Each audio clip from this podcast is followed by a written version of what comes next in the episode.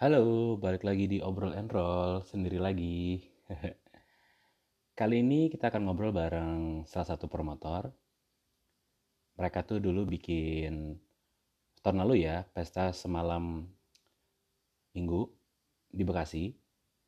Dan tahun ini mereka akan bikin namanya Hora Hore Festival. Yuk kita simak yuk obrolannya.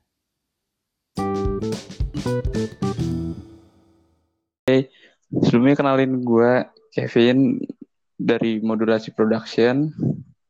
Mungkin yang kemarin di akhir tahun yang tinggal di daerah Bekasi mungkin bisa lebih kenal dari pesta semalam minggu yang Oke. kemarin akhir benar-benar gue nggak bisa nyangka sih bisa efeknya sebegitu besarnya di Bekasi karena yang konsep yang gue bikin pun sebenarnya hanya main-main ya Mm-mm. nyatin up anak muda dan nyatin line up salah satunya yang bisa kita bilang the good father of. Broken Heart. Mm. dan di situ pun crowdnya bener-bener ambiar banget kalau dilihat dari situasi yang bener-bener pecah dan Mm. di tahun ini tahun 2020 kita lagi ngejalanin project di tanggal 12 Juli yaitu Hora Hore. Mungkin Hora-hore. Mm-mm, Hora Hore. Jadi di Hora Hore ini kita bakal ada sebuah konsep juga nih yang bakal Hmm. bikin orang wah gila nih kok dia sih pengisi acaranya karena sebelumnya publish itu band-band yang emang lagi neck down banget nih Mm-mm. di akhir tahun 2019 sampai awal tahun 2020 itu emang bener-bener lagi hits banget band-bandnya dan di ujung nanti kita bakal ada konsep yang bener-bener anjrit kok dia nih bintang tamunya Ya, paling ya, ya, ya, ya. Setuju, setuju. Karena kemarin kan si apa namanya kalian kan bikin yang pesta semalam seminggu ya, ngundang Lord Didi Kempot gitu kan bisa dibilang. Nah, bener sekarang ini mau bikin Hora Fest tanggal berapa nih, Vin? tanggal 12 Juli 2020 12 Juli 2020 rencananya di di mana lokasinya?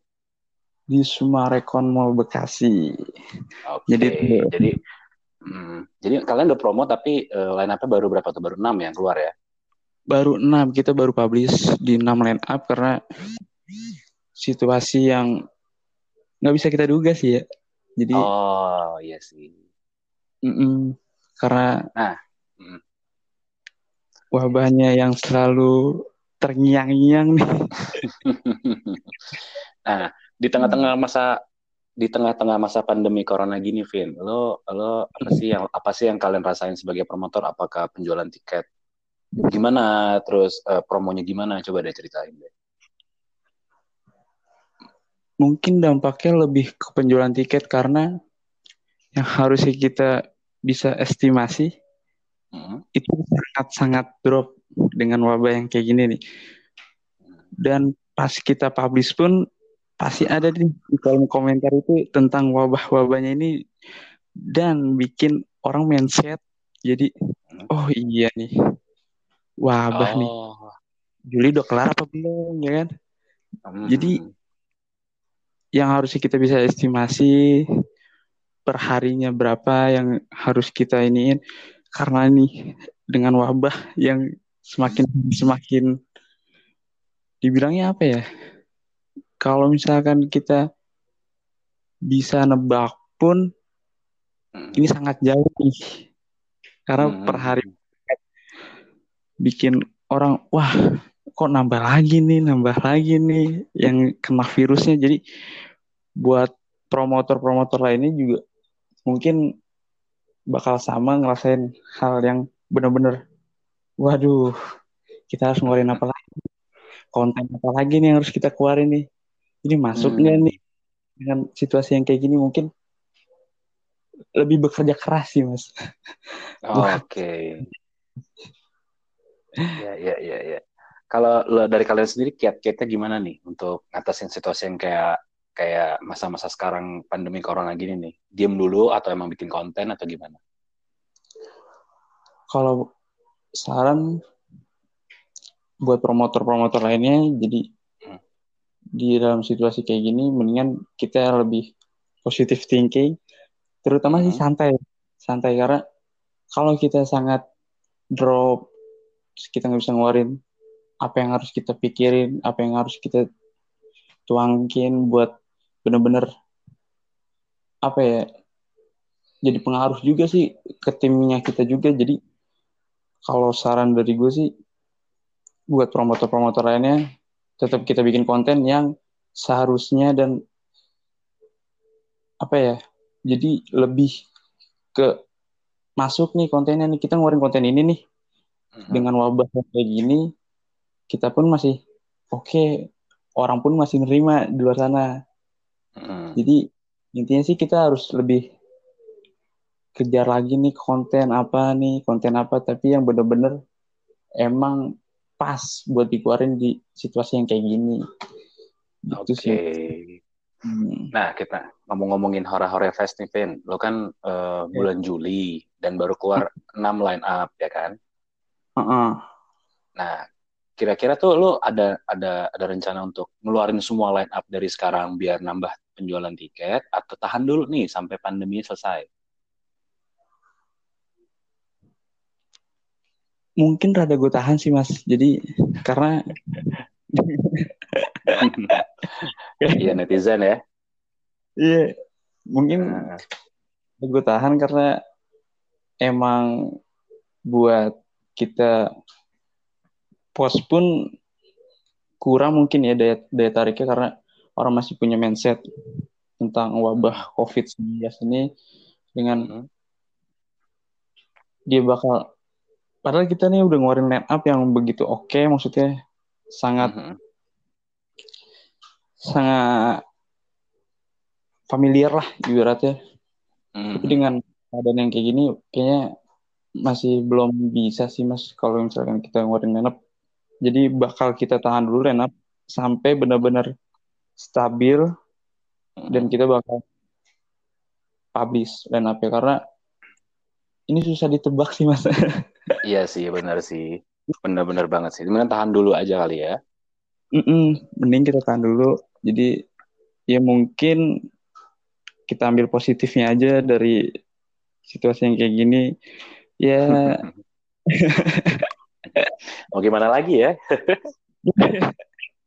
Ngeliat teman-teman juga yang habis jalanin project segala macam pospon pospon sempet hmm. sempet kepikiran jadi aduh gimana nih ya kalau misalkan sampai pospon reschedule dari beberapa line up kita untuk nyatuin tanggalnya dia bisa nyek kapan itu harus iya dari nol lagi hmm, itu yang mungkin promotor-promotor lain sudah melakukannya.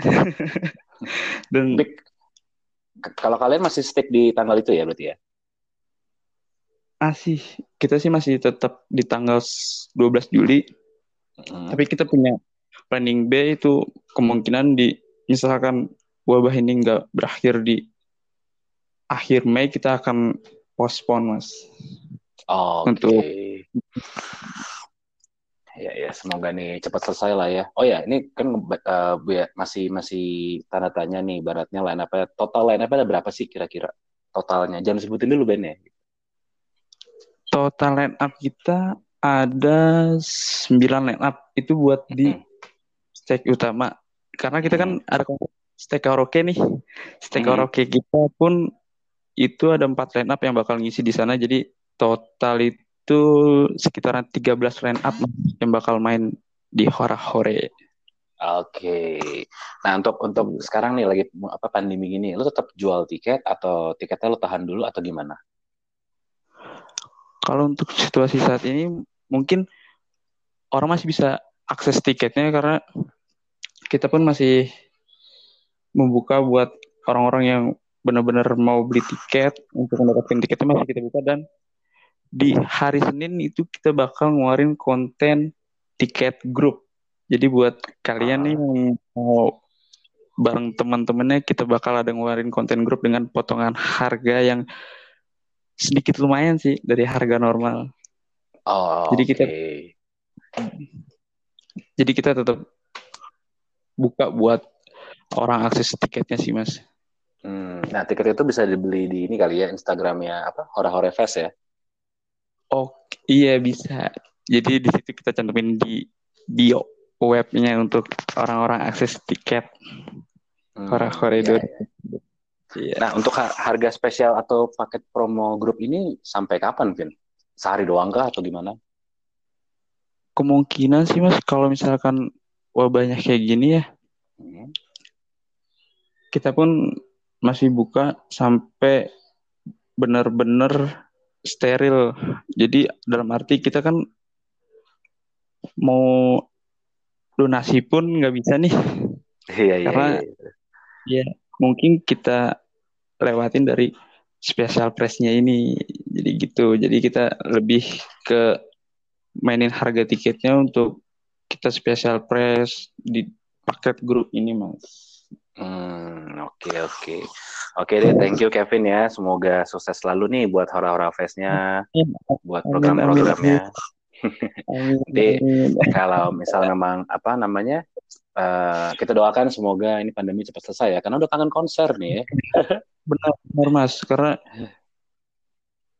emang dunia entertain tuh yang sangat terganggu sih menurut gua karena Iya, banyak yang harus kita reschedule, postpone. Ya, mudah-mudahan cepat kelar sih. amin. Amin. Thank you Kevin. Salam buat teman-teman ya. Sehat-sehat selalu ya Kevin. Siap, siap, Mas. Thank you, Mas Ardi. Ya, dadah.